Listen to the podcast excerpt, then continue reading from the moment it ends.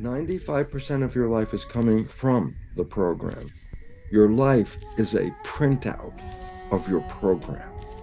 Like, what does that mean? I go, the things that come into your life that you like, they come in because you have a program to accept those things. But for those things that you want and you work hard and you struggle and you make effort, I'm sweating, I'm gonna, I'm working real hard, I'm gonna make this happen. Why are you working so hard? And the answer is whatever that destination you're seeking, whether it's relationship, job, health, whatever, if you're having a struggle to get there, it's because there's a program that doesn't support that.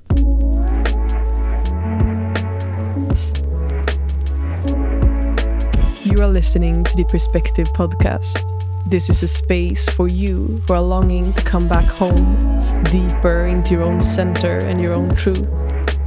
This is a space for you who are longing to deepen the relationship to yourself and to others. My name is Madeleine Mofjärd, and in this space, I invite you to explore conversations that in different ways touches upon the human experience and I'm here to invite new perspectives.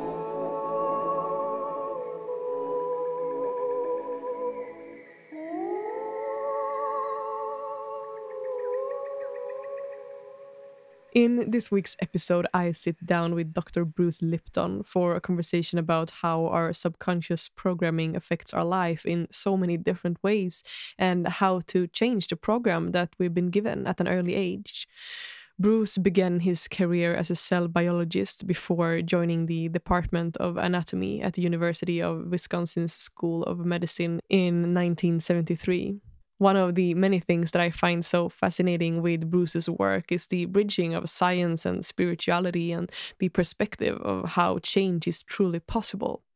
Bruce is also known for the best selling book, The Biology of Belief, where he sets out the idea that our thoughts affects the expression of our genes. And in this conversation today, you will hear us talk about questions like if 95% of our behavior comes from our subconscious mind, and how can we do to become more aware of our programming?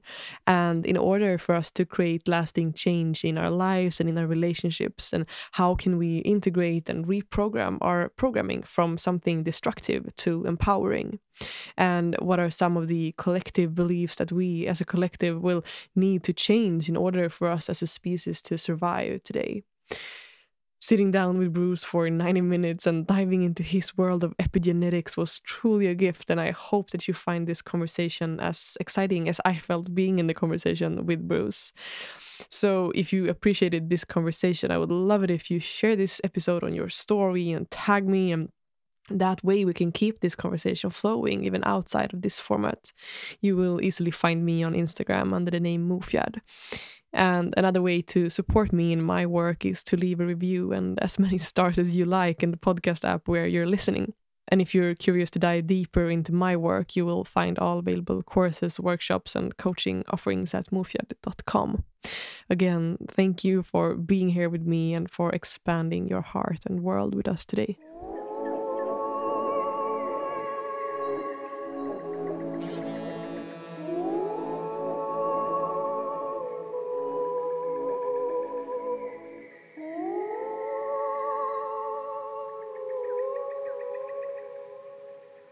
Hi and welcome, Bruce Lipton, to the Perspective Podcast. I am so delighted to be here, you know, because uh, the world is in such a wonderfully strange place, and people are looking at it with like, ah, it's scary. And I go, no, no. If you understand what's going on, yeah, this is great. And just go, how could how could scary and great be the same? I say, well, if you understand the science that we're going to talk about, then you understand that this is one of the most important times in human civilization is right now. So it's like it's exciting. Yeah, so let's just be excited to be part of it. And I think that's beautiful also like to hear your perspectives and dive deeper into those perspectives that you have to share since like you mentioned, I think the world is at a place where there's a lot of scarcity and fear and a lot of like darkness coming coming up right now in these times. So i think it's so beautiful to have you here today bruce. And and and also i do want I, I do feel like there's so much i want to dive into with you. Uh, and i i do feel like before diving into the juicy stuff i would love to to check in with you for the listeners and yes. for me to to to hear you. How how is your heart today, Bruce? How is it to be Bruce Lipton today? I am happy. I am a happy, healthy boy. Uh, I'm going to be 80 in this coming year, so uh, uh, I, I have to say maybe I only have 20 or 30 years left. So I'm going to keep enjoying every day because every day you miss is you don't get credit for for not having a good day. You don't get any money back. So uh, uh, it reminds me of a, a, very sad tale. My mother married late in life a second time, and she married a man by the name of Phil, and he was sort of a an angry man about things. He ever he never had anything nice to say, you know. And I thought, well, I don't have to live with him. My mother likes him. That's her issue. And but here's a story that he lived to be 97 and he was dying of cancer. My mother took care of him at home, didn't send him to a hospital. And in the last week of life, he he wasn't really there. He was like gone somewhere. And then about two days before he died, all of a sudden his eyes opened up and he was there and he looked at my mother and he said, I didn't have any fun. 97 years old, going to die in two days, and comes to the realization that his whole life of 97 years, he didn't have any fun. And I'm going to go the other way because I went my last moment because it's like, hey, that was great. Thanks, man. what a ride. oh, that's yeah, so... and I want people to understand that this attitude that I have is um it wasn't my whole life. No, no. For the first 40 plus years of my life, it, it was like conventional people working, struggling, trying to do good, trying to find relationships that weren't working and and you know, and everything was like and then the science that I was working on uh, revealed the nature of what life is all about. And it was so completely different because as a medical professor, I, I tell people, oh, genes control your life. You're like programmed, and whatever genes you get, that's your life. And I, you know, when we teach that, and this I want people to understand because they learned it. Oh, the DNA controls everything. I go, we were teaching you to be a victim. I said, what do you mean? I said, well, as far as you know, you didn't pick the genes you came with. I said, "Can you change them if you don't you don't like the character? Can you change them?" I go, "No." And then we add, "Oh, genes turn on and off by themselves." And I say, "Now put all that together." And I say, "What does it mean?" It says, "We become a victim of our genetics, a victim of our heredity." People see things running in their family like heart disease or diabetes or cancer. And I say, oh my goodness, there are genes and I could get these genes. And oh my goodness, I could die from these things. I go, whoa. That's what people believe. They believe that the genes that, were passed down to them have control over them and therefore they they have they're powerless. And that's why then we seek what? Pharmaceutical company. Oh pharmaceutical company i have, I have trouble with my genes. Can you fix that? And it's like they'll be very happy to try and they'll charge you everything they can. Exactly. And it doesn't work. Yeah. it works because the new science that changed my whole life was a science that showed that genes are are not controlling themselves. That's a that's a false statement. A gene cannot turn on and off. No a gene is a blueprint. Just like you're building a house you have a blueprint. Uh, i say go to an architect's office. She's working on a blueprint. And you ask her is your blueprint on or off? And she'll look at you like what are you crazy? It's a blueprint. There's no on and off. Exactly. A gene is a blueprint. There's no on and off. But there's an architect. I go, oh. I said, what's the who's the architect that controls my gene blueprints? The mind. Then I go, what does that mean? I say, we are sending information to our cells about what we see and what we experience and what we believe. And the cells are adjusting to that belief. And I said, What do you mean adjusting? I said, Our thoughts change our genetics, and our thoughts can rewrite the genetic activity that you have. And I go, So why is that important? And I said, Well, you're the one that controls the thoughts. And if you understand that, then all of a sudden I say, You're the one that controls your genetics. But if you don't know anything about it, then you bought stories like, oh, genes turn on and off. I go, no, no.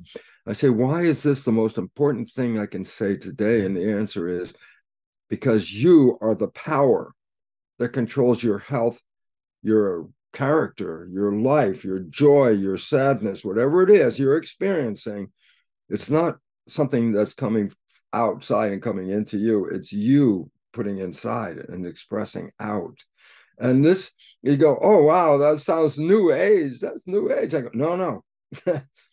physics, quantum physics is the most truthful, the most valid science on planet Earth, quantum physics. I go, yeah, so what? I go, principle number one, principle number one, quantum physics. The mind is the creator of our reality. I go, I go, what? I mean, that's since 1927. I go, yeah, but the public has no understanding of this because you ask anybody about quantum physics and they go, oh, I don't, I don't know, I don't know nothing. And I go, well, that's a problem because physics is the science of how the universe works. and the old science is the one that we got from Isaac Newton. That science separated the material reality from the invisible reality. And, uh, and so what was material was physical body. What was not material was mind, God, and spirit. And so science under Newton said, well, don't worry about the invisible stuff. That's it. It's the physical stuff. And that's why our biology, our health, our life experiences are always turned back on we're just physical beings. I go, no, no. Listen very carefully.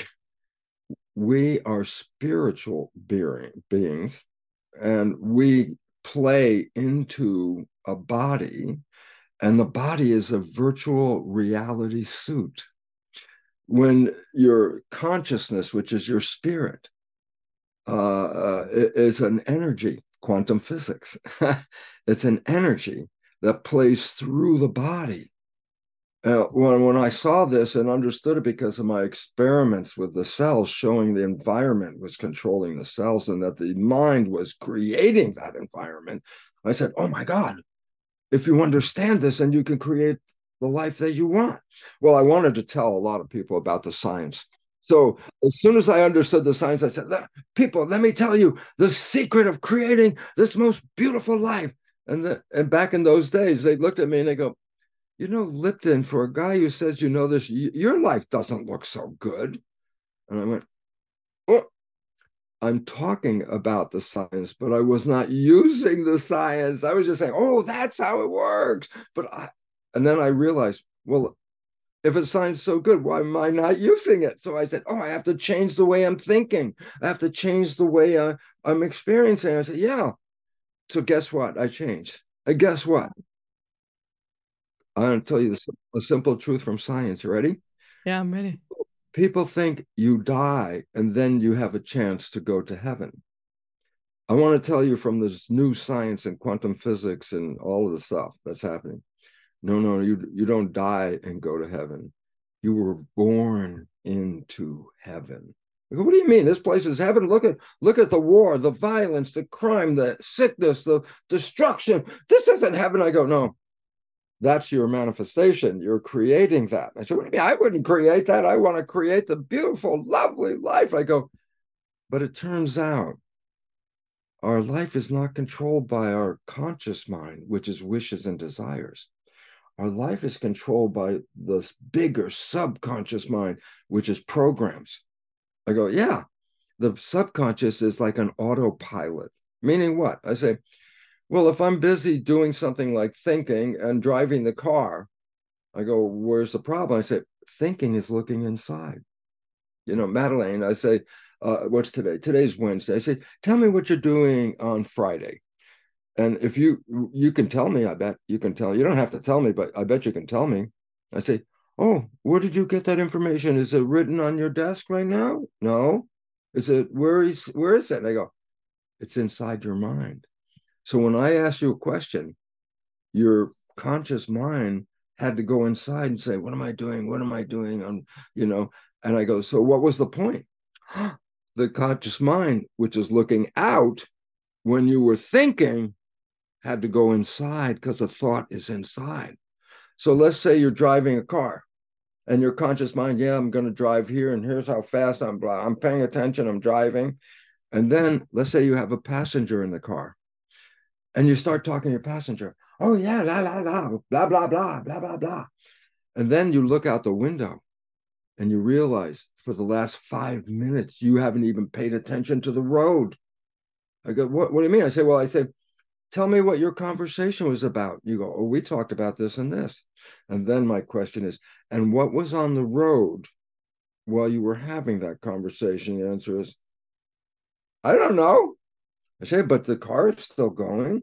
The driving, didn't kill anybody. And I say, who was driving the car? Because you weren't paying attention. I go, the subconscious knows how to drive a car. It's a program. And when the mind, the conscious mind said, wait, I'm going inside to think, the subconscious grabbed the wheel. And the subconscious is a million times more powerful a computer than the conscious mind. So guess what? It's a better driver than you are anyway. And so the whole point was this. I say, what was the conversation? You say this and this. And I say, what did what was happening in the world? You go, I didn't see it. And I go, well, guess what? That's 95% of the day. 95% of the day, you are not paying attention because 95% of the day is the time you are thinking. What am I doing? Where am I going? Where was I? What happened? What's next? All these thoughts. I say, yeah. But while you're having them, you're not looking out the window. I go, oh. I said, well, then who's controlling my life? I, ah, the subconscious. It knows how to walk, it knows how to talk, it knows how to drive a car. These are programs. You learned them. So I go, oh, point. My conscious mind has wishes and desires. My subconscious mind has programs. My wishes and desires are not the same as programs because the programs, I'll tell you where you got them from your mother and your father and your family and your community before age seven. The brain is a computer. It is actually a, a computer that humans haven't been able to duplicate yet, but it's a computer. I go, so why is that important? I said, because it has the same functions as any computer, like the one in your house. I go, why is that important? I say, when we used to buy a computer, it, there were no programs. I go, so I buy a brand new computer and I push start and the screen lights up. It's booted. And I go, now do something. And you go, I, I said, well, you got you got a brand new computer. What do you mean you can't do anything? Oh, first I have to put the programs in the computer. Then I can use the computer. I go, ah, human brain, computer. Before you can use it, you have to have programs, and then you can engage the programs. You came here with no knowledge of anything, and all of a sudden you have to have a program to be a member of the family. You have to know how to be a member of the community. You say there are rules, thousand rules. I go, how is the child going to learn a thousand rules? In the first seven years of your life, the brain computer is not unconscious, it's not conscious and thinking for the first seven years, it's called the brain function is called theta. It's a, a just below consciousness. And I say, yeah, so what? And I say, theta is hypnosis. I go, I go, what does that mean? I say, you don't have to read a book and learn how to be a member of community. Just watch and download. So as a uh, as a boy in my family, uh, generally you look at your father and you watch his behavior and you say, that's what boys do. If you're a girl, generally you watch what your mother is doing, and that's what girls do. And I go, What do you mean? I said, The programs of how to be a father, how to be a mother, you just downloaded by watching them. So I say, Then my program of being a boy or a man was programmed by watching somebody else. I go, Yeah, my father. You know, and I go, So what's the point? He didn't have the same desires and wishes I have. He has a whole different life. And matter of fact, my father and mother had a dysfunctional relationship. I go, what does that mean? Well, they weren't a real couple. I say, so what? And I said, well, who behavior did I copy? My father's. I go, so what? And I go, 95% of our lives, and if I didn't say it before, I got to emphasize it again. 95% of your life is not coming from the wishes and desires, conscious mind. It's coming from the programs. So that meant, how come for 40 years I couldn't find a relationship that would last? And the answer was, because I was using the behavioral program I downloaded from my father that was dysfunctional. Did I see it when I was playing these bad programs? I say, nope. Why? Because I was thinking 95% of the time, my father's behavior was playing and I didn't see it. So in my lectures, I, give this one story. You have a friend and, and you know your friend's behavior very well. A friend, and you know your friend, and you know your friend's parent and one day you see your friend has the exact same behavior as the parent.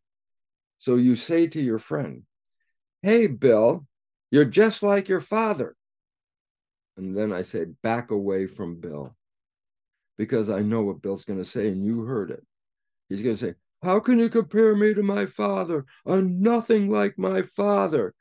And you've experienced it. You've uh, heard other people say this. And you, I go, Why? because he downloaded the behavior from his father. Okay. It works 95% of the day, but he's the one that doesn't see it. I say, why? Because why is it playing? And the answer is because he's thinking and not paying attention. I go, ah, that's why you don't see your own behavior 95% of the day. But that own behavior isn't even yours because that behavior you're playing from the program, the hard drive in the computer, downloaded programs, hard drive, subconscious. Those programs didn't come from you, they came from other people. Are you living the life you want, or are you living the life you have been programmed? And the answer is no, only 5% of the day are we living the life that we want to live. The rest of our life is a program and we don't see it. All we see is the result of the program. I go, what does that mean? I say, well, let's say you're finding life isn't working for you.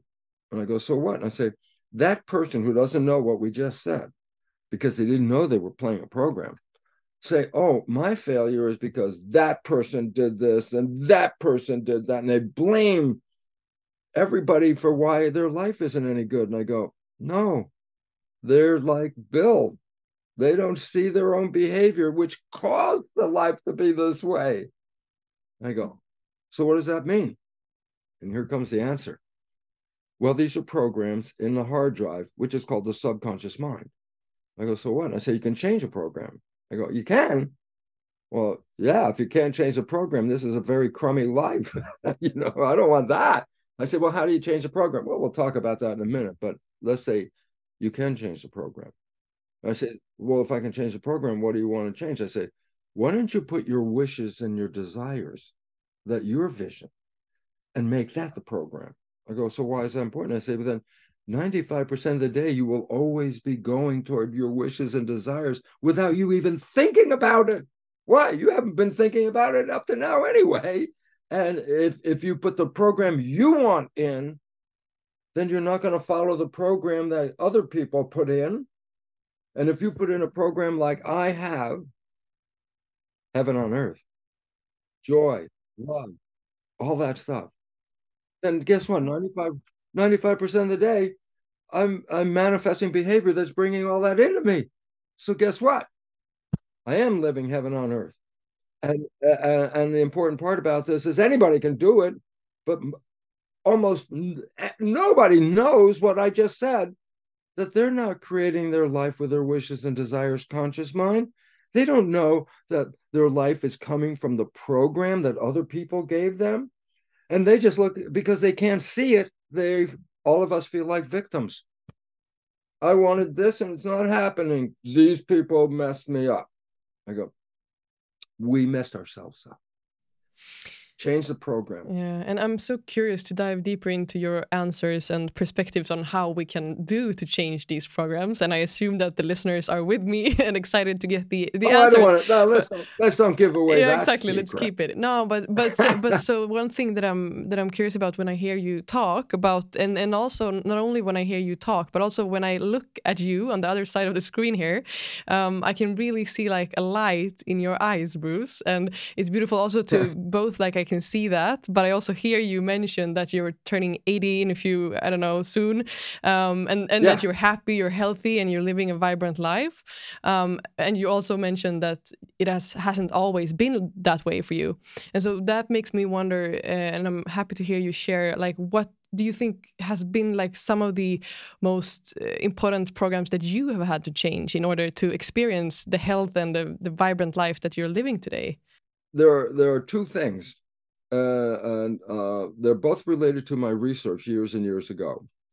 Uh, 50, 50 years ago, I did some research with what are called stem cells, which are the inside your body.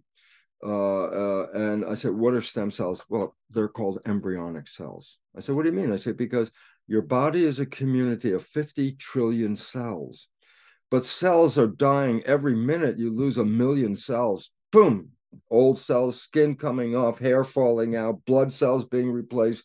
And I go, but if you're losing millions of cells every, you know, minute, how long can you live? And I go, well, if you don't have anything to replace those cells, then you're going to die very quickly. But inside the community, we have stem cells, embryonic cells, and their job is to replace anything that's lost. So that what does it mean? It says I lose a million cells, I make a million cells every day. Okay. So I go, these are stem cells, they're embryonic cells, and I put them in a culture dish and I cultured them, and uh, I ended up with what's called cloning cells, meaning I put one cell in the dish only, just one cell, and it divides uh, every 10 hours. First there's one, then there's two, then there's four, eight, doubling. And at the end of the week, 30,000 cells in the petri dish. And I go, so what? I go, they're all genetically the same because they came from one parent. So I have 30,000 genetically identical cells. I put them, uh, split them up, three dishes, 10,000, 10,000, 10,000, all dishes genetically identical. And here's the secret of life. You grow cells in a fluid, a liquid called culture medium, growth medium. I say, what is it? I go, it's the laboratory version of blood growing cells in blood. Okay. I said, so in the lab, we make culture medium. So I look at what's blood made out of. Then I make it in a lab, a, a, a version, you know, synthetic. I put it together, make it. But I can change some of the chemistry. So I make three different culture media, slightly different chemistry. And so in one dish, I put culture medium one, and the other dish, culture medium two, and the third dish, culture medium three, different culture medium.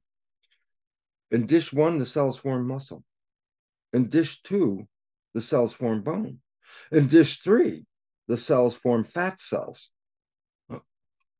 What controls the fate of the cells? Why should it be muscle, bone, and fat? The answer is this they were all genetically the same. So I said, then what was the difference? The chemistry of the culture medium, the environment, controlled the behavior and the genetics. I go, oh, that's interesting experiment. Yeah, well, that's the new science called epigenetics. The gene didn't determine what happened. It was the environment that determined what happened. And I go, so that's interesting. I go, now let's take one big step. When you look in the mirror and see yourself and you say, oh, one single person, I go, well, you might be one person, but you're actually a community of 50 trillion cells. So, guess what?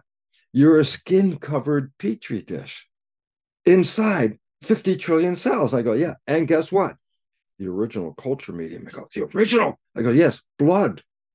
I say it's the chemistry of the blood, the culture medium, that controls the genetics and the behavior. I go, yeah, it's just the same as in the plastic dish, same in the skin dish. The cells are responding to the environment inside the body, blood. So I say the chemistry of the blood is controlling our genetics. I go, yes. And then comes the big question what controls the chemistry of the blood? I go, huh?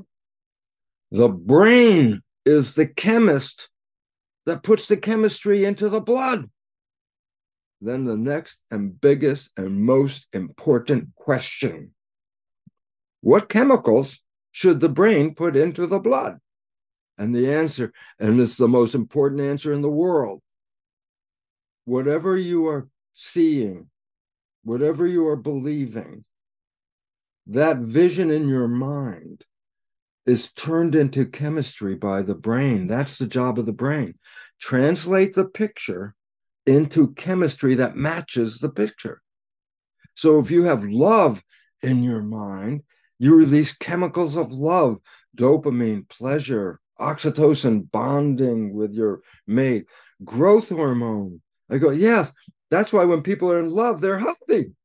They glow. Oh, look, they're so in love. See how healthy they are. I go, that's not an accident. That's chemistry.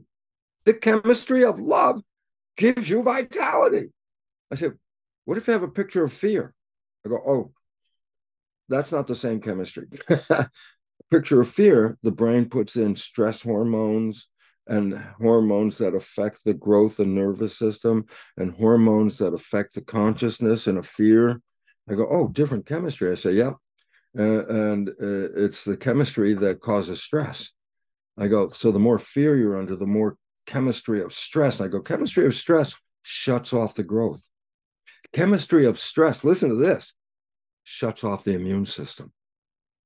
And I go, you mean when I'm afraid of something, my immune system is not working well? I go, yes. And that's what happened during COVID everybody was so afraid they were going to die. They lived in fear. Oh my God, I'm going to get the COVID. I'm going to, I go, the fear shut off the immune system. The fear is what caused the epidemic. I say, people died. And I go, I know people died, but they didn't die from the virus. They were already sick before the virus got there. Most of them, 70%, very obese some 70% again, uh, people under stress, okay? Uh, people who had diabetes, people who had heart disease before COVID. But then when they got COVID, their immune system wasn't working really well. And that's why they got sick. Very important point because we're facing the new COVID is coming. I go, stop. 40% of the people, when they finally did testing, 40% of those that tested positive didn't even know they had the virus. I go, what does that mean? I say, they were healthy. Healthy people did not have a problem. Unhealthy people had a problem. Did the medical people ever come out and say, you can avoid having a problem by being healthy? Take care of your health. No, no. We have a vaccine. We're coming, we have a vaccine. I go, what about being healthy? Ah, I go, wait, wait, what's the point? The world is in a crisis today, outside of our body, inside of our body. I say, why? Because the programs that are running our life are self destructive. We're destroying the environment in which we live. We are the environment. If the environment goes, we can't be here either. So all of a sudden it's like, hey, wake up, wake up. we are behaving in a way that's destructive. And I go, what do you mean? I go, here's a fact of science, a fact. If we wanted to live today, just all the world, just today, just say, today, we just want to live the way we are living. It takes 1.6 planet Earth to provide for that. I go, yeah, but we only have one planet Earth. I go, yeah. What about that 0.6? We don't have a 0.6. What's the point? the answer is we are not sustainable. We cannot live on this planet because we're using more resources than the planet can give us. I said, what does that mean? We're facing extinction. And science has been telling the public this for 20 years. I even have a book on it called Spontaneous Evolution. 20 years. I go, what are we concerned about? Extinction? No, we're concerned about, oh, race, gender, religious problems, social problems, economic problems. I go, those are nothing. You're facing extinction. For what? Not living in harmony with the planet and therefore not living in harmony with us because we are the planet. And this is the wake up call. Yeah. And and I'm so excited about it. Just I'll finish. Uh, uh, just why am I so excited about it? Because I was living the life that most people live struggle, work, fix, do, enjoy a little bit, blah, blah, blah. And now I live the life that was like, really? I can have this? Yes, you can have this. I say, how can you have it? I say, change the program something that I that I that that I find interesting when I hear you talk about how we like human beings are actually destroying the planet that we're living on, um, and and I assume then that there's a lot of like collective beliefs. Of course, like we as individuals have a lot of uh, programs, but then then when it comes to the collective and society as a whole, what do you think are some of the like most maybe dangerous beliefs as a, ah. as a society that we need to change in order to survive? Great question. Mm. Great question. Because there's an answer. And the answer is this the biggest problem with today's society is that it's belief in Darwinian theory of evolution. Oh, what the hell is it? I said, let me summarize what people summarize Darwin theory survival of the fittest in the struggle for life. That's the summary. Survival of the fittest in the struggle for life. I said, what does that mean? We have to go out and struggle. Number one, because life is a struggle. I said that. And then you have to be the fittest. I said, what does that mean? You have to be better than the other person.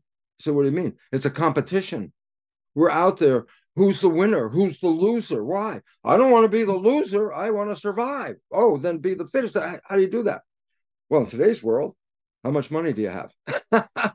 Why? Because energy and money are the same thing. If you have money, you have energy to do things. If you don't have any money, you have no energy to do things. So I say, so how's that working out? I say, 1% of the population has the money that 99% don't have. I go, uh oh, why? Can't survive. That competition is killing us. That we're competing and that we look at losers as, oh, look, a million people die of starvation in Africa. And we go, oh, that's just that's life. I go, that's not life.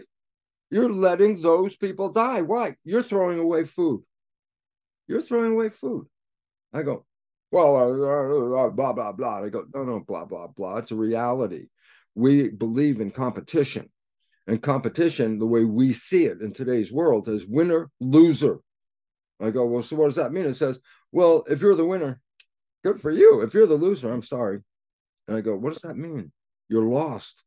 I go, why? Because you believe that it was competition that created our evolution. I go, no, a garden is not competition.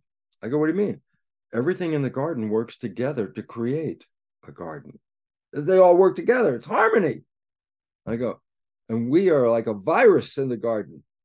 We're destroying the harmony of the planet, and the garden is falling apart. That's where the extinction is we can no longer do this anymore. And I go, so what's the point? I say, it wasn't competition. That is the point. The point of evolution is cooperation. It's the complete opposite of the way we are living on the planet today. Cooperation means supporting each other. Dolphins, if a dolphin is sick and they have to breathe air because they're mammals, they have to come up to the surface.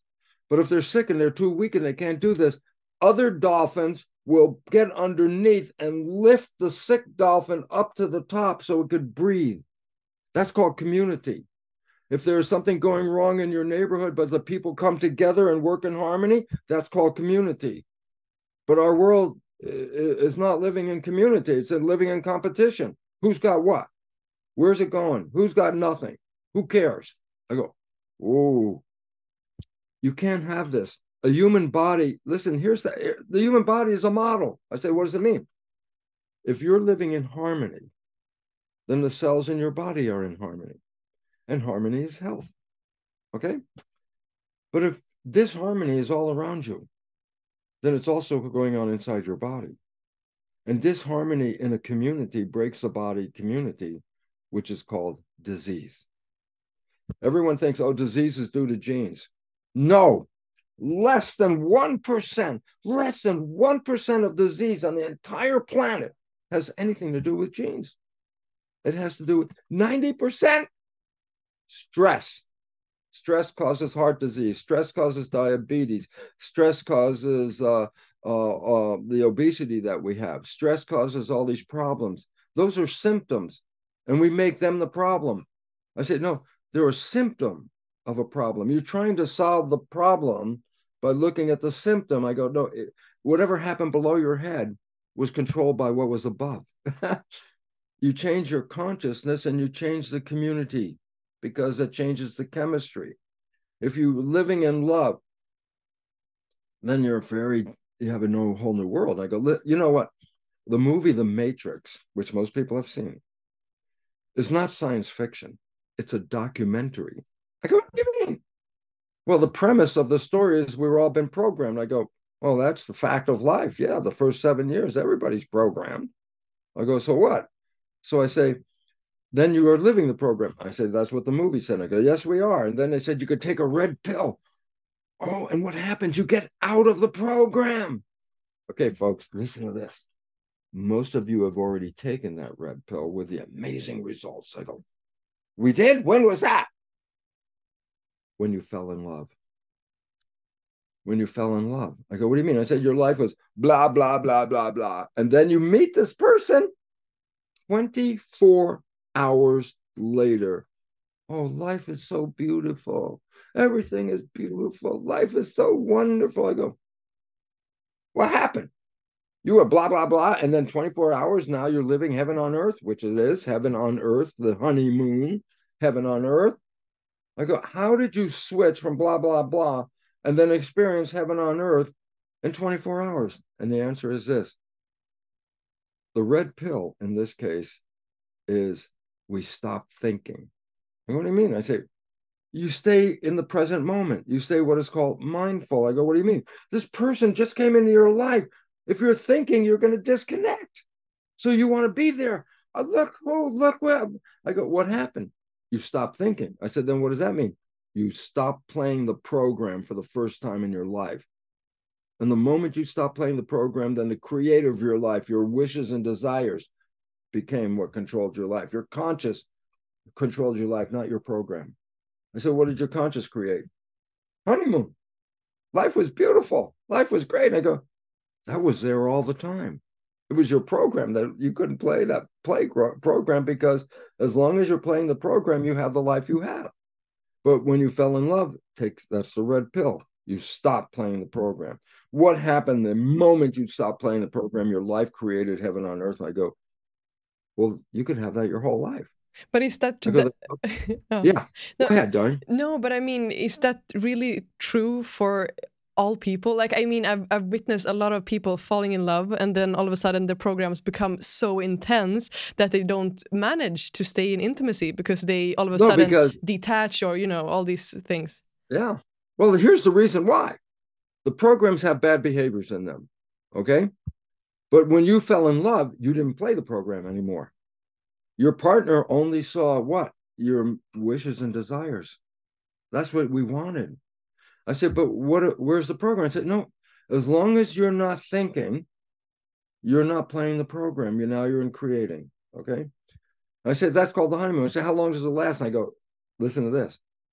Once you have to start thinking a lot, what happens when you start thinking like i have a job i have responsibilities i have to do things it's like i can't just be in honeymoon i have to do life i go the moment you start thinking the program plays i said but your partner never saw the negative programs because you never played them they fell in love with what your wishes and your desires and your conscious mind, which you were manifesting. That's what they fell in love with. They never saw the negative programming. But the more you start thinking, the more the negative programs start showing up, and they look at you and go, Who are you? Where did that come from? And that's when the honeymoon ends. that is the thing. So, what was the point? That takes us back to the same thing.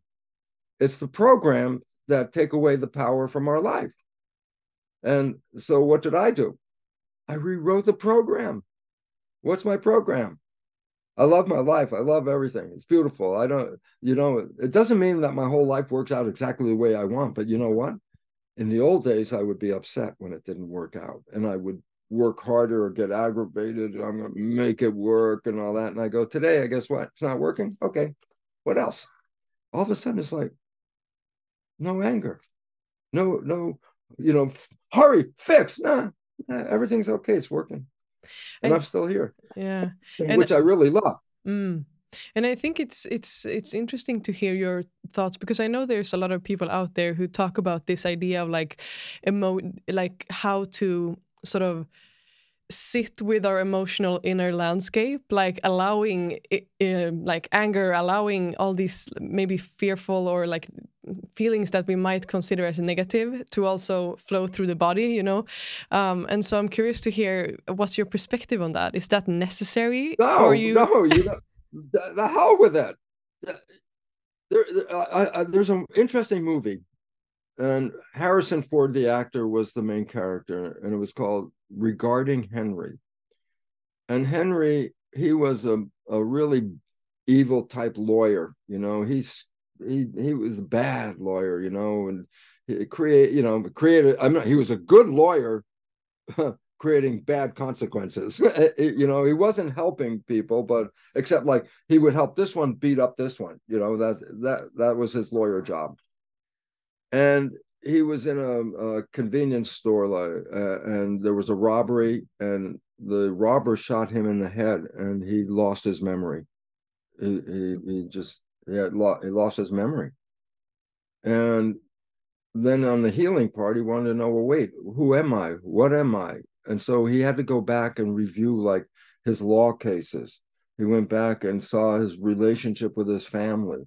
And he looked at all these things and said, Oh, geez, no wonder, you know, that I was not a good person. So now he has, guess what? A new life. So he says, Well, then I don't want that.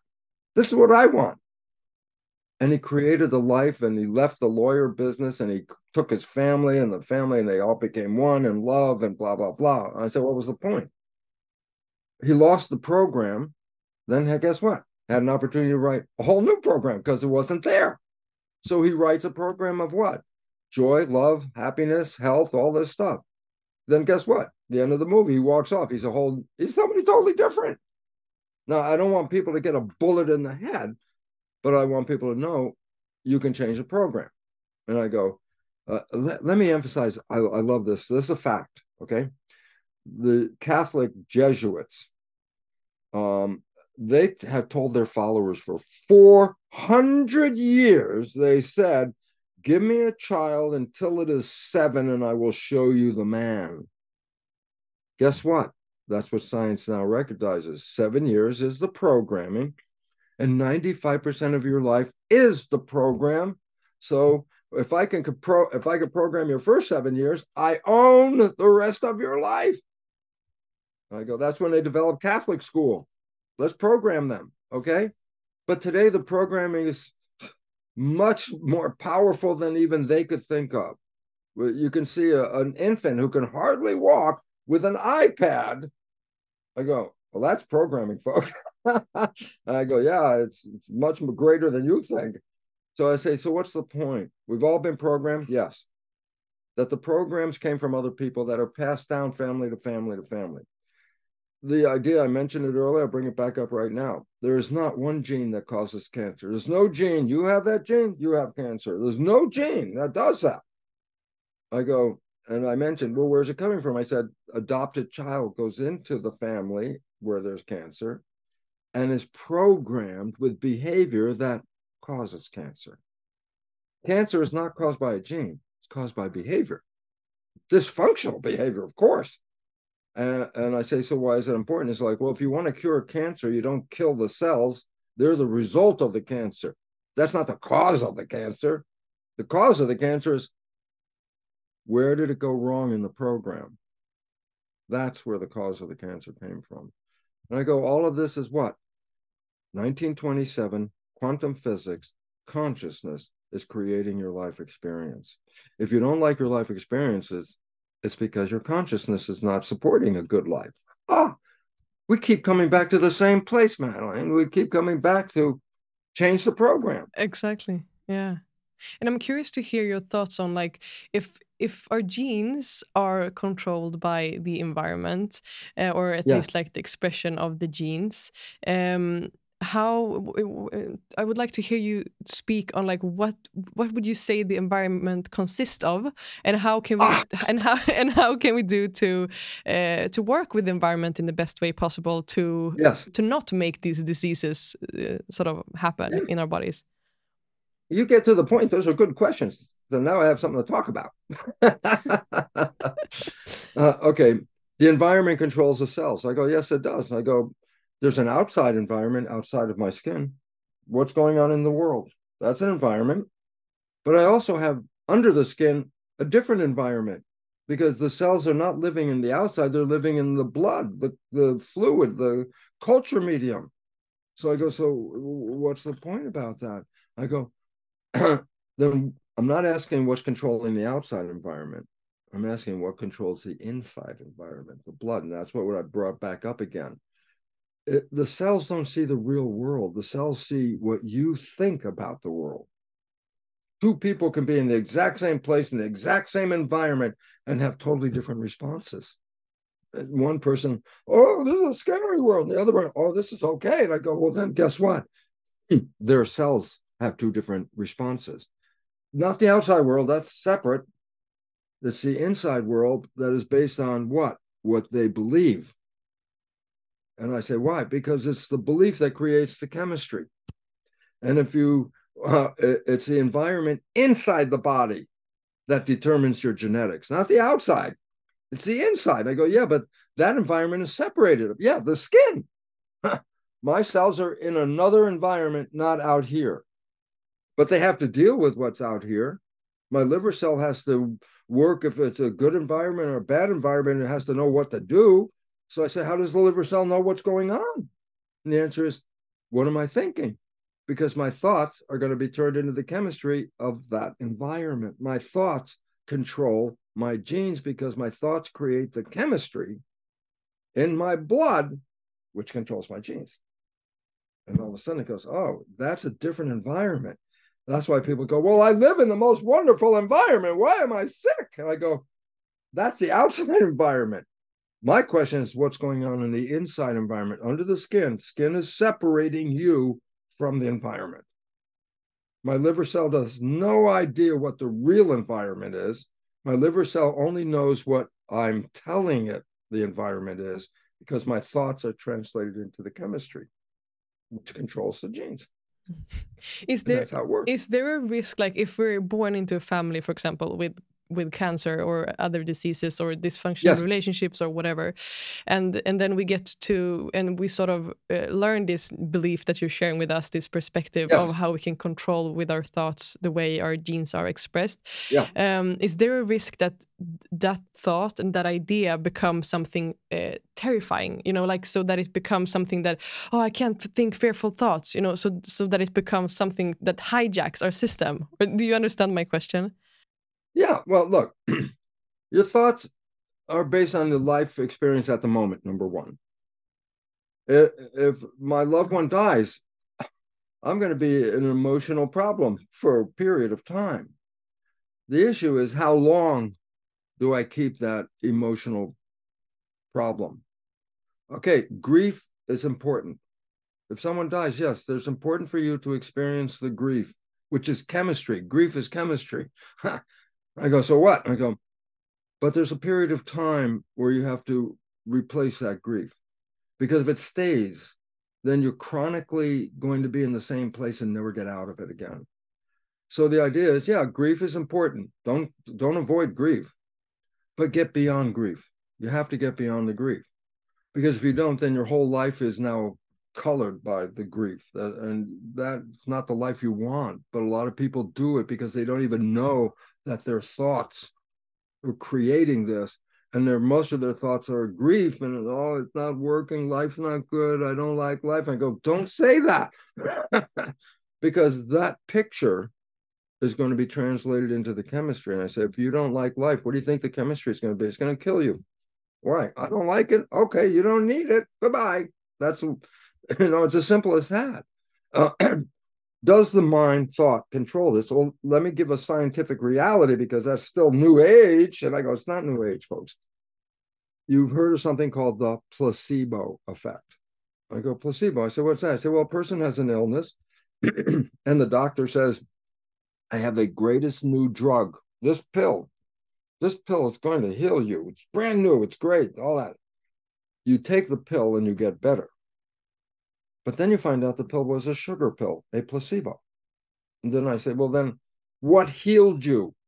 The sugar? No, your belief that I'm going to get better because the pill is going to make me better. It was not the pill, it was the belief of the pill that made you better. That's uh, up to, you know, minimum third, one third of all healing is just the belief. And it could be up to two thirds of all healing. It's just what the person is believing about what's going to happen to them. And that's called positive thinking. Placebo is positive. Yeah, I'm going to get better. That's positive. Is the pill going to make me better? Well, if you believe it, it will. But if the sugar is a sugar pill, then it turns out, well, it was if you believe it. That was the point. Okay. So that's positive thinking. And everybody's told, yeah, I've heard about that. I go, no, that's a scientific reality. So that's a real thing. Your thought heals you. Okay.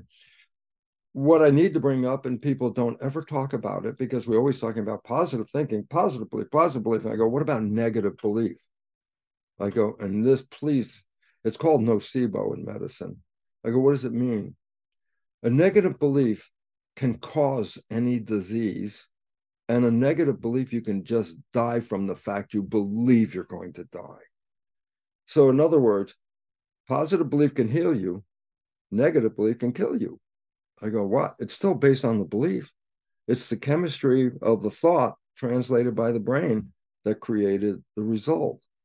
And it's so important because no one mentions negative beliefs. I go, well, that's the majority of the beliefs that we have are negative beliefs it's not going to work. This is going to be a problem. This won't happen. I'm a victim. Blah, blah, blah, I go, people don't recognize they have more negative belief than they have positive belief. I go, so what's the point? I say, well, if it's a scale and you have more negative than positive, the chemistry of your body is in negative chemistry. And that's where disease is coming from. It's not coming from genes. It all starts up here. And then that goes back to the quantum physics. Uh, and I said 1927 was when that was put into quantum physics. There was a more recent article in the last 10 years in the journal Nature. Now, Nature is one of the most prestigious scientific journals on planet Earth. And there was an article by a physicist, Richard Conn Henry, and the article is called The Mental Universe. And I don't even need to read the article. You could just read the last sentence because quantum physics is matter and energy are not separate they're all energy actually okay? So when you say matter it's not really matter it's energy. It's immaterial that's the word immaterial made out of not matter not made of energy okay? So here's the last sentence. The universe is immaterial. It's mental and spiritual live and enjoy. I go, the most prestigious scientific journal in the world has an article that says our lives are mental and spiritual. I go, yes, that's the physics that was here since 1927, and we're still not paying attention to it. And it's the mechanism of the universe. And it goes, yep, uh, it's mental and spiritual. And that was the second part because I said the first part that changed my life was epigenetics. The signal comes from the environment. And then very quickly, a thought came into my head because I work with immune systems, I do immunology and stuff like that. And um, I'm going to tell you a fact, which you were probably aware of. You cannot put your cells into another person's body or your organ into another person's body because their immune system will say, that's foreign. That's not us. And the immune system will get rid of it. So now I got a very interesting thought that says, well, there must be something that the immune system is looking at because the immune system recognizes the physical world. And I say, well, then there must be something my cells have different than your cells. Because uh, my cells, if I put them into your body, you're going to reject it as not self. Your cells, you put in my body, my immune system will say not self. Here's the self. And I started to look and I recognized on the surface of our cells, there are proteins like antennas, like television antennas, there used to be. And there's a whole set of them. They're called self receptors. They're on the outside of the cell. I said, so they're receivers of what? A signal. I go, yeah, but what's the signal? A broadcast, a vibration, an energy. I said, what's the point? I said, my antennas pick up this signal, your antennas pick up that signal. Everybody's antennas picks up a different signal, like a radio station. No two people get the same signal. You can't exchange your parts. I go, so what's the point? I saw that and I saw the mechanism. I saw the signal, the antennas. I saw it and I said, oh my God, my identity, your identity is not in the cell, it's a broadcast that is picked up by the antennas and played through your cells. What's the point? The people we are, the consciousness, the awareness that we are, is a broadcast. The body is just playing it. So it's like a television set. So there you are looking at me. You're watching the Bruce television, playing a program. We're playing the Bruce show right now. I love it. And I go, what, what, does that mean? So look at it this way your body's like a receiver, a television set playing a program, which is a broadcast called the field in physics, but in, in, in metaphysics, it's called spirit. Spirit is an energy broadcast, it's in the field. And you have antennas that are picking up your spirit, but not anybody else's spirit because that's your station. You have your own station. So I look at this, I go, oh, oh my God, I'm not in here. I'm the broadcast. I go, why is that? Think about it this way you're watching a TV show, the TV breaks. What do we say? TV is dead. Yeah, it's dead. No, not working anymore. Is the broadcast still there? Of course, it's still there. How do you know? Get another TV, tune it to the same station, and the program is back, but in a different TV. Does the TV have to be male or female? I go, that's the TV. That's not you. You're the broadcast. Does it have to be white, brown, black, red, yellow? I said, no, that's the TV. That's not you. You're the broadcast. And I realized for the first time in my life, it's like, oh my God, spirituality. It's physics. it's energy fields, and their energy fields are everywhere. they did a study with um, an astronaut, Brian O'Leary. They put some of his cells into a test tube, and they moved the test tube 350 miles away. Here's Brian O'Leary. Here's the test tube with his cells in it, 350 miles away. They put a device to read the energy of the cells in the test tube. And so the researcher now has a television set, split screen. One half, Brian O'Leary live. The other half, the energy reading from the cells 350 miles away. Guess what? When Brian had an experience, instantly, instantly, 350 miles away, the cells lit up. I go, whoa, what does that mean? Well, Brian O'Leary is a spirit, an energy field, and he had an emotion which affected the energy field. But the energy field is everywhere. So 350 miles away, his cells with what? The antennas are recording the energy field at the same time he interfered with it. I guess what was the point? Spirit is everywhere. The broadcast is everywhere. But wherever the television set is, that's where it comes into reality. And then I'll close with this part because this is really cool. Being a science guy, I asked myself, why not just be the spirit? Why have a body? And the answer came from the cells inside my body. I could feel the answer go whoop.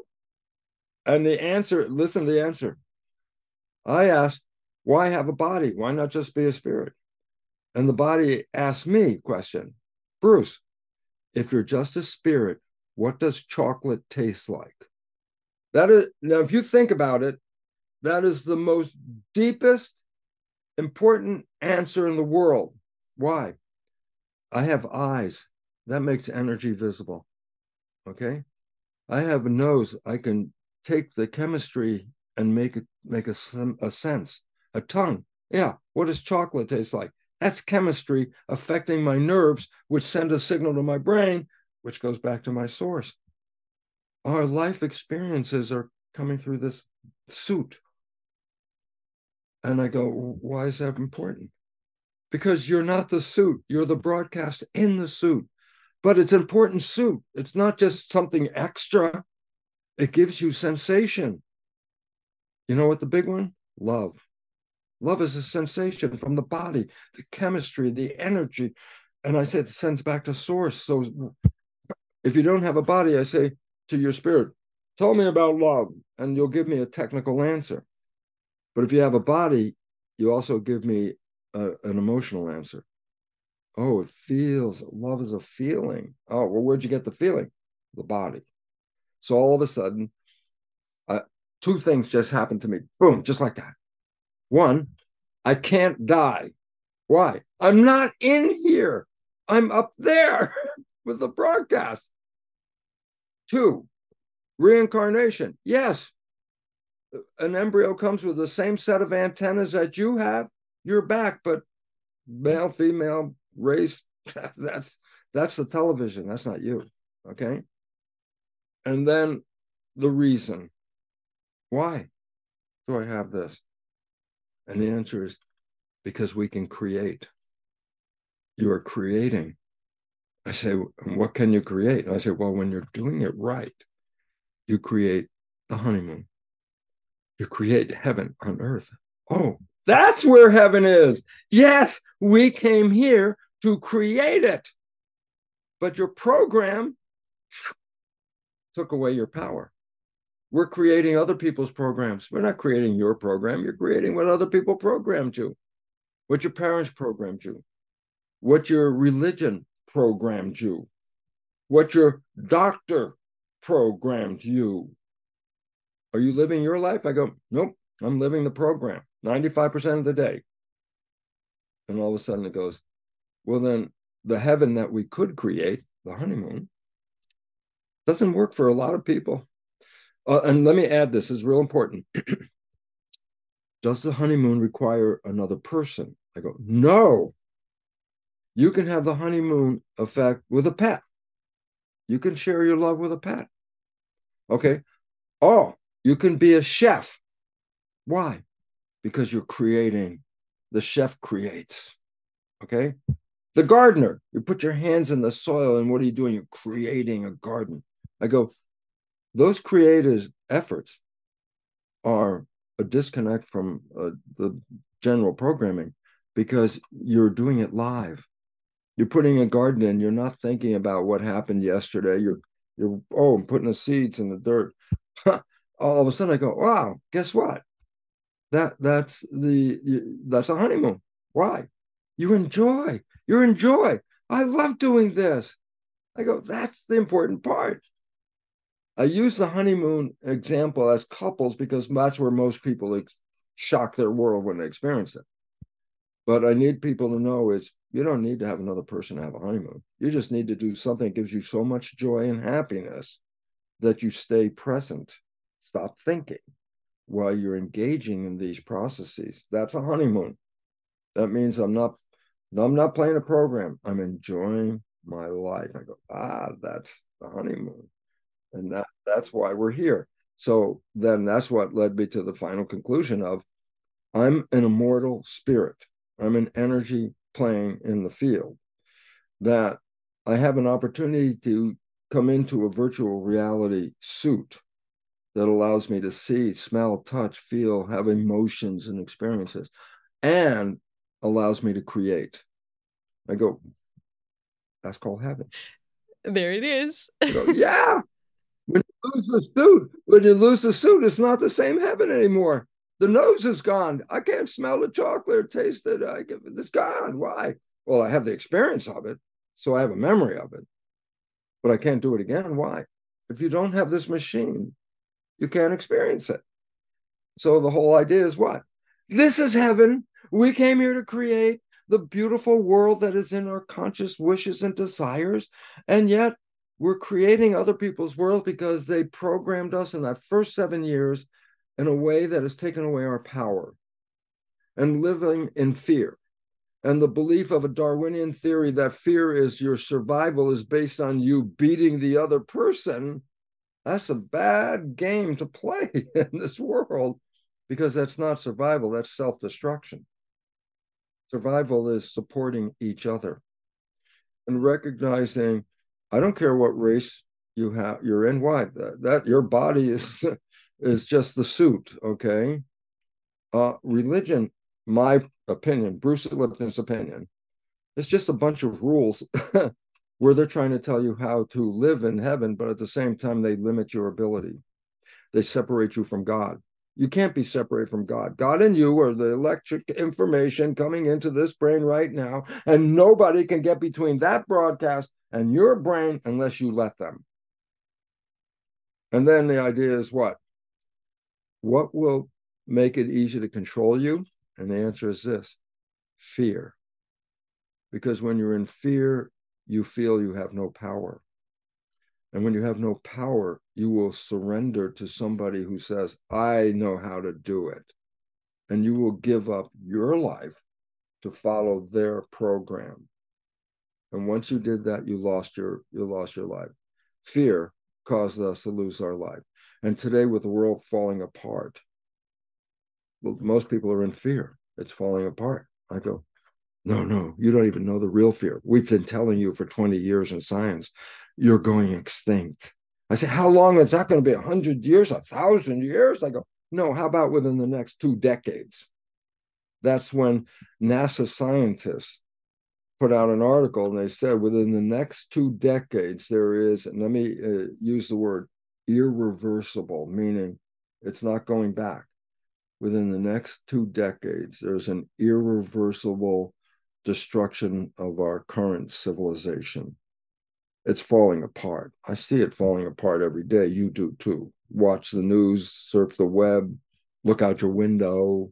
The world's in a state of crazy. And I go, it has to be because we can't keep it, it, would be crazy if it just continued the way it was going because it's coming to an end. We don't have the resources. Can't do this anymore. We have to change our lives. And the change of life will change some of the old stories that have kept us uh, uh, from really experiencing life. Uh, the me too generation where women are studying say wait a minute there's no second class around here at all. We're all in the same class. Let's get back online. Race issues that are coming up. Yeah. Uh, we've not talked about them for years and years and years because we believe it's not there, but it's still there. And it says, no, you can't move into the future with those race issues. You can't move into the future uh, with, with the way we're living right now. We, we, we got um, we can't go into the future keeping uh, keep destroying the environment. There's not that you know we have to take care of what's left and rebuild it. Actually, that's what the future is about. And, and the idea is we're facing this evolution. If it does not fall apart, then the reality is the, the civilization is going to collapse. And if we don't have a vision of where it's going to go, it's going to be a terrible ending to this world. But there is a destination. There is how do we make the garden again? Because we came from the garden. The garden is not a battleground. A garden is cooperation. Every plant, every insect, everything in that garden is working in harmony to create a garden. Okay. And the reality is we've turned the garden into a battleground. So you think there, go, yeah. so you think there's hope then? Oh, I I live with it every minute. I say, well, how do I know? I says, I'm living it right now. I'm not waiting until the end. I'm living the life of what? Harmony. I'm taking care of my environment the best I can, uh, outside environment, take care of my inside environment, live in harmony with the people around me, spread love wherever we are. Guess what? I'm surrounded by the people that have the same vibe as me, which means what? I don't see the scary people. I don't even know where I know they're out there. I saw it on the news, but I don't know them.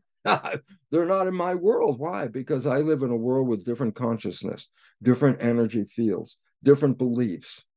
And these people around me are living the same kind of harmony that I'm living. When you really fall in love, guess what? You meet other people who are in love. Why? Because it's a vibe. And we get into that vibe and the world has to move from the vibe of self-destruction into the vibe of, of, harmony and garden and we're in the middle right now so you're talking about how like we are getting our programs for uh, from our parents and the culture around us and all of these uh, different ways. But so i'm curious to hear when it comes to parenting because i know you write and talk a lot about conscious parenting. So yes. so if we and and of course this could be like a whole the whole new topic to dive into but i'm curious to hear your perspective on if we are people who are looking to to raise a child into this world uh, yes it's the most important thing in the whole world. Yeah so what are some of the ways to do it more consciously and to program our, our kids okay. into something healthy. Okay. Bottom line is this a child is a reflection of its program. Its program comes from you as a parent. The problem that we've faced up to now is that parents act like coaches on a sports team. I said, what does that mean? I said, let's say a player on the team isn't doing well. What does the coach do? Uh, he doesn't go, oh, please do better. No, the coach goes, that's not good enough. Who do you think you are? You don't deserve to be on this team. Well, a child above the age of seven understands, oh, the coach wants me to do better. Okay. He's, you know, he's yelling at me because I'm not doing better. I have to do better. Now I say, what if that coach is talking to a child under age seven? I say, oh, the child under age seven is not conscious, they're recording. I say, okay. And the parent says, that's not good enough. You don't deserve this. Who do you think you are? You're not lovable. They didn't mean that for the child's whole life. They just said, at this moment, you're acting like a child. and, and I want you not to act like a child. So you don't deserve that. You know, and I go, yeah, but what did the child under the seven take away from that interaction? The answer is a recording. I said, what was the recording? I do not deserve. I am not lovable. I am not this. I am not that. The parent's intention was to act like the coach to make the player play better. But if the player isn't conscious to understand the meaning, then it just downloads what the words are. So if you want to be a parent, the most important thing you have to recognize number one is every time you talk to that child and you think that child that little infant that's still in the diapers that can't make a word and all that is just there i go no. The brain has been recording since it was actually in the last trimester of pregnancy. And while you think that that child is just sitting in the, that little whatever and and you're talking about that child that child is downloading everything you just said. That child downloads everything from the beginning it knows who the mother is uh, uh, instantly. And by the end of a week, the, the, the child will distinguish the mother's face and the father's face from everybody else's face on the planet. They'll know those two faces. And in two weeks, they'll read the face. I said, What do you mean? They can read if you're happy, angry, sad. The face changes they feel the vibration, they connect the vibration to the face. Anger looks like, you know, I say, what's the point? Well, then people don't recognize as parents, especially when the baby first is crawling and can move. And across, if the baby is, let's say, in on the floor in a living room, and it comes to something, a chair, and the first thing the baby does, and parents don't know this, is the baby will look at the mother. Why? Is this good or bad? How do I know? The mother's face. Mother's face. Eh, okay. It comes near the stairway going downstairs. It gets at the edge of the stair. Look back at the mother's face. The mother's going, the baby immediately knows, don't go there. because it has to get the cues of what's life about because it has no program. It doesn't know yet. So it says, How does it know? And it says, It's connected to the mother and the father energetically, just like a pet. A pet reads your energy, not your words. It knows if you're mad, it knows if you're happy, it knows if you're afraid. It has different behavior based on what? Not the words, the energy. The baby, like the pet, reads energy first, then learns language second. So the idea about it is you want to be a good parent. Number one is this you always, always, anytime that baby is around, you always talk about how wonderful that baby is, how powerful she is, how intelligent. And, and you're using these words and you're going, infant doesn't know what I, I said, don't worry. The brain has just downloaded the words. They're going to come back when that baby starts to get a little older. Those are the words that will make the behavior. And I say, yeah, but it's an infant. I go, yeah, it's the recording. It's not being able to play back. But at that stage, it's recording. So if you want to raise a child, the most important thing you do is you just keep telling how smart and powerful and intelligent and wonderful and what gift it is to our world. And you keep saying all these things. Why? Because if that becomes the subconscious program of that child, that program will make that child successful beyond anything. Mm. And and there's a yeah, go ahead. And so, if we end up having uh, programs that are destructive or harmful or in any way like stopping us from living the life that we desire, um, what are some of the ways we can do to reprogram and to integrate new beliefs into our system? Oh, that'll cost you five dollars. that that's a bonus. no, okay. So here, here's the point. First of all, how do you know what your program is? Why? Because you were programmed even before you were born. So I said, what, what did you learn before you were born? You go, I don't know. I said, you were programmed the whole year from zero to one. What program did you get then? I don't know. You were programmed another whole year from one to two. Number from two to three, you were still programming.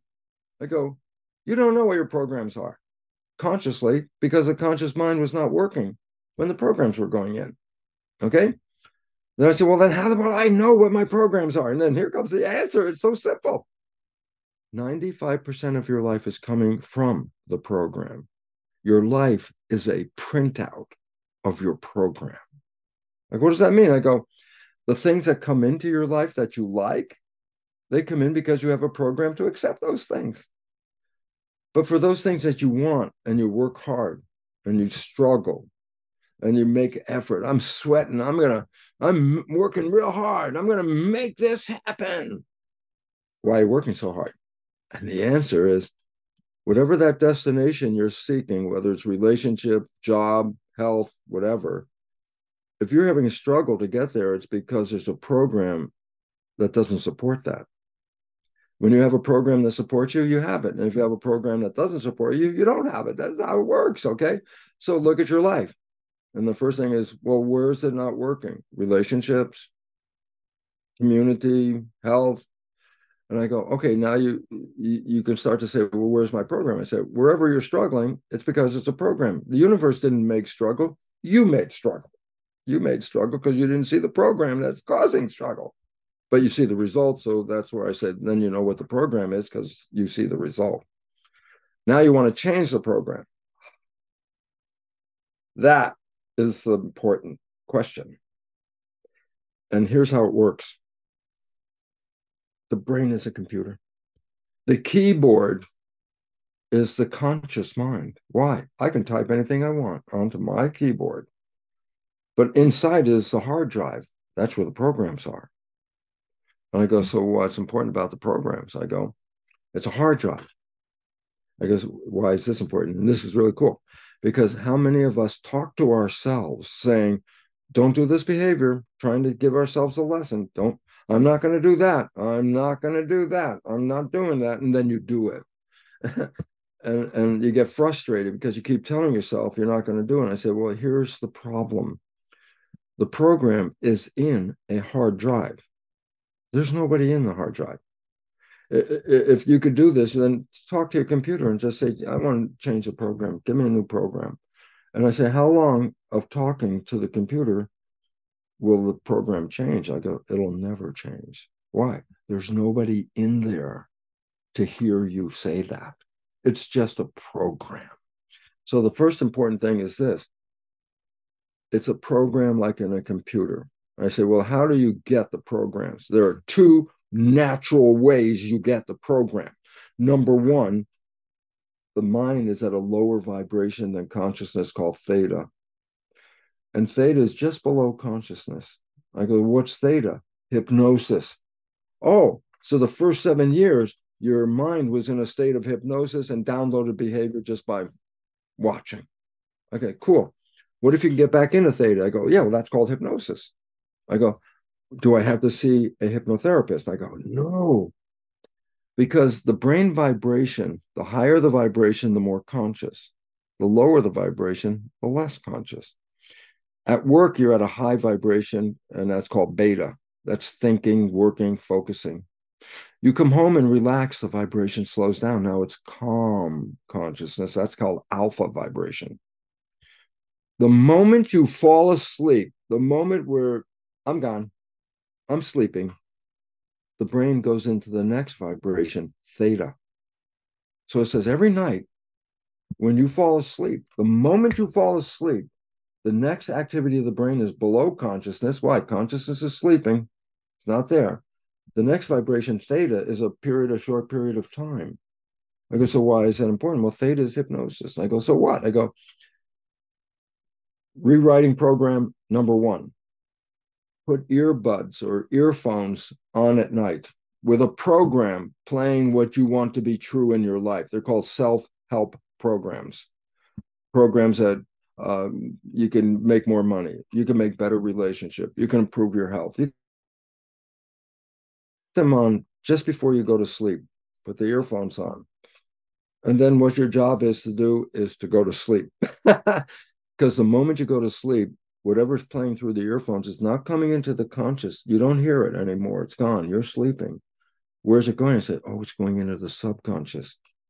You are programming the subconscious while you sleep. But it's only a short period of time, so you have to do it a number of times over and over again. And then one day you'll just wake up and the program would have been in there programmed, and now you don't have to do it anymore because it's a program. That's called self hypnosis. You can do that at night that is the period when it works best because you can put the the sound into the ears that the moment you fall asleep you do not hear the sound anymore consciously but the subconscious is programming. Okay? That's way number one self hypnosis number two you still learn learn programs after age seven complex programs. You learn how to drive a car. You learn how to play a music instrument you learn how to play games. You learn how to do this. You learn how to do a job. I say, how would you learn these habits? These become habits. Because driving a car, if you've never been in a car, I don't want to drive with you until you get the habit of how to drive the car.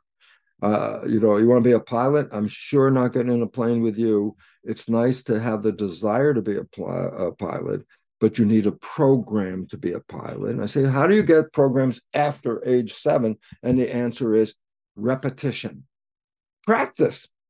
That's what you do. Practice a new behavior. Uh, in the New Age circle, they say, fake it till you make it. And I go, what does that mean? I say, well, let's say you're not a happy person. I say, you want to be a happy person? I say, yeah. I say, what do you need to do? I say, all day long, say to yourself, wherever you are, as many times as say, I am happy. I am happy. You're saying this to yourself. You could be miserable. The world could really stink. I go, yeah, but just say to yourself, I am happy. I am happy. Repetition will lead to a point where one day you wake up and you don't have to say, I am happy, because the repetition has programmed you to wake up happy. And then all of a sudden, now you got that new program. Both those re- the repetition and self hypnosis are time. You have to repeat, repeat, repeat. There, the new one, and this is the one I really, the important one I want people to understand, is called energy psychology. What's that? I go, that's a different psychology than your parents knew. it's not a story about how who did what to who and how that who your friend did and what your mom said and what your dad said and i don't care what, how that how you got the program that's the kind of cognitive therapy. Let's go back and review. I go, I don't need to go back and review what I have the program. I don't have to go back and learn how I got the program. I have the program. So I don't need to go backwards. I need to go forwards. I go, so what do you do? I say, look at your life. Where are you struggling? You're struggling not because you can't have something, you're struggling because your program doesn't support it. So I say, then what do you want to do? You want to change that program. I say, well, energy psychology is a process that generally induces what is called a, a super learning state. I say, what's a super learning state? A kid under seven has super learning state. Whatever they see, download it, they learned it. Just like boom, they've seen it, it's downloaded. That's it. I say, you can get back into that mindset with energy psychology, to that mind, the way the mind was working before age seven. And if you can get back into that set, guess what? You can rewrite the program in five, ten minutes, walk away, and have a completely different program. Why? How long did it take the child under seven to learn the program? Just had the experience at once, and then the program was learned. I say, if you get into energy psychology, you can then in, induce a super learning and download new behavior in minutes and walk away a different person. It's a miracle. It works. I love it because, boy, did it change my entire life as well. Oh. And thousands of people that I know from experiences by traveling around the world that have used these processes and completely changed the character of their lives in minutes. I said, Well, what are these processes? And I go, My website, this is very simple brucelipton.com. On the website is what we call belief change modalities, belief change. And I have maybe 25 different ways that energy psychology, different types of energy psychology, modalities, different versions. Uh, you can read uh, about each one, a little paragraph, and then there's a website you can connect to it. So the point is this in today's world, time is very important. And the new version of energy psychology is a, a, way that we can rapidly change our belief and get into a new world fast because we don't have a lot of time on this planet to waste anymore. So, my suggestion is go to the website, brucelipton.com, check out those modalities, find one that interests you, and then go to the website and follow up on it. Why? Does it work? hey man, I'm living it. Let, right let's now. find it out. let's find this. it out. I, I didn't have this for 40 years. I didn't wake up with, oh wow, I have another day. I'm still here. Let's go out and have some fun. And fun doesn't mean just play. My work is fun. Oh, everything is fun. My food is fun. My music is fun. Mm. Oh, it's it's so beautiful to see you shine, Bruce, and see your the fire that lights you up when you talk about this topic. It's so beautiful, and I'm so grateful for your wisdom and your perspectives and everything. And and I do feel like before letting you go today, yeah. um, I would love to hear like if you were able to reach the whole world yes. for 30, sec 30 seconds, what is something that you would like to say to them or maybe do with them, like 30 seconds, what's your message? My my message is simply this: How does this system work? How does life work? What is life? Where does it come from? And if you to understand, you start to understand the nature of spirit as an energy and quantum physics, and it's not new age. If you understand programming as the way you are living your life, then you can understand, well, if it's programming, then something called reprogramming is possible, and that gives you the power. What people have to end up with is what quantum physics said it's our consciousness that is creating this reality. If you're not living the reality that you want, you don't change the world, you change the consciousness. The world will change automatically after that. And that's the best part. I don't have to change the world, I just have to change me, and the world will change. And it does, and it works. And it's so beautiful that I I can't I can't contain it. I can't contain it. Uh. It's so so beautiful. It's magic. It's magic to be alive. Oh, thank you, Bruce, for blessing us with your energy and your wisdom. It's been my honor and my privilege to sit down with you for these 90 minutes. So thank you so much. I want to thank you so very much. And, and also mm. want to add, boy, you had some really good questions. I should have just stopped and said, you asked the question because every one of your questions was so seriously important that I was mm. excited when you asked, oh, good question. good point. Good point. I'm grateful. I want to say how much I appreciate you in providing mm. this environment, this opportunity. Mm. And more important, I want to thank the viewers. I want to yes. thank those people that are listening to this program. I want to thank them because those are the people that are the power people, that they can change the world. And if we work together, community, not uh, competition, community, then the world in front of us is a honeymoon. And a honeymoon is heaven on earth. And I say, don't wait till you die, folks. Don't be like my stepfather Phil and wake up two days before you die and realize you didn't have any fun. You better start having fun now because uh, it's given to us. We came here for this. And we came here for the garden. So let's live, let's live in the garden.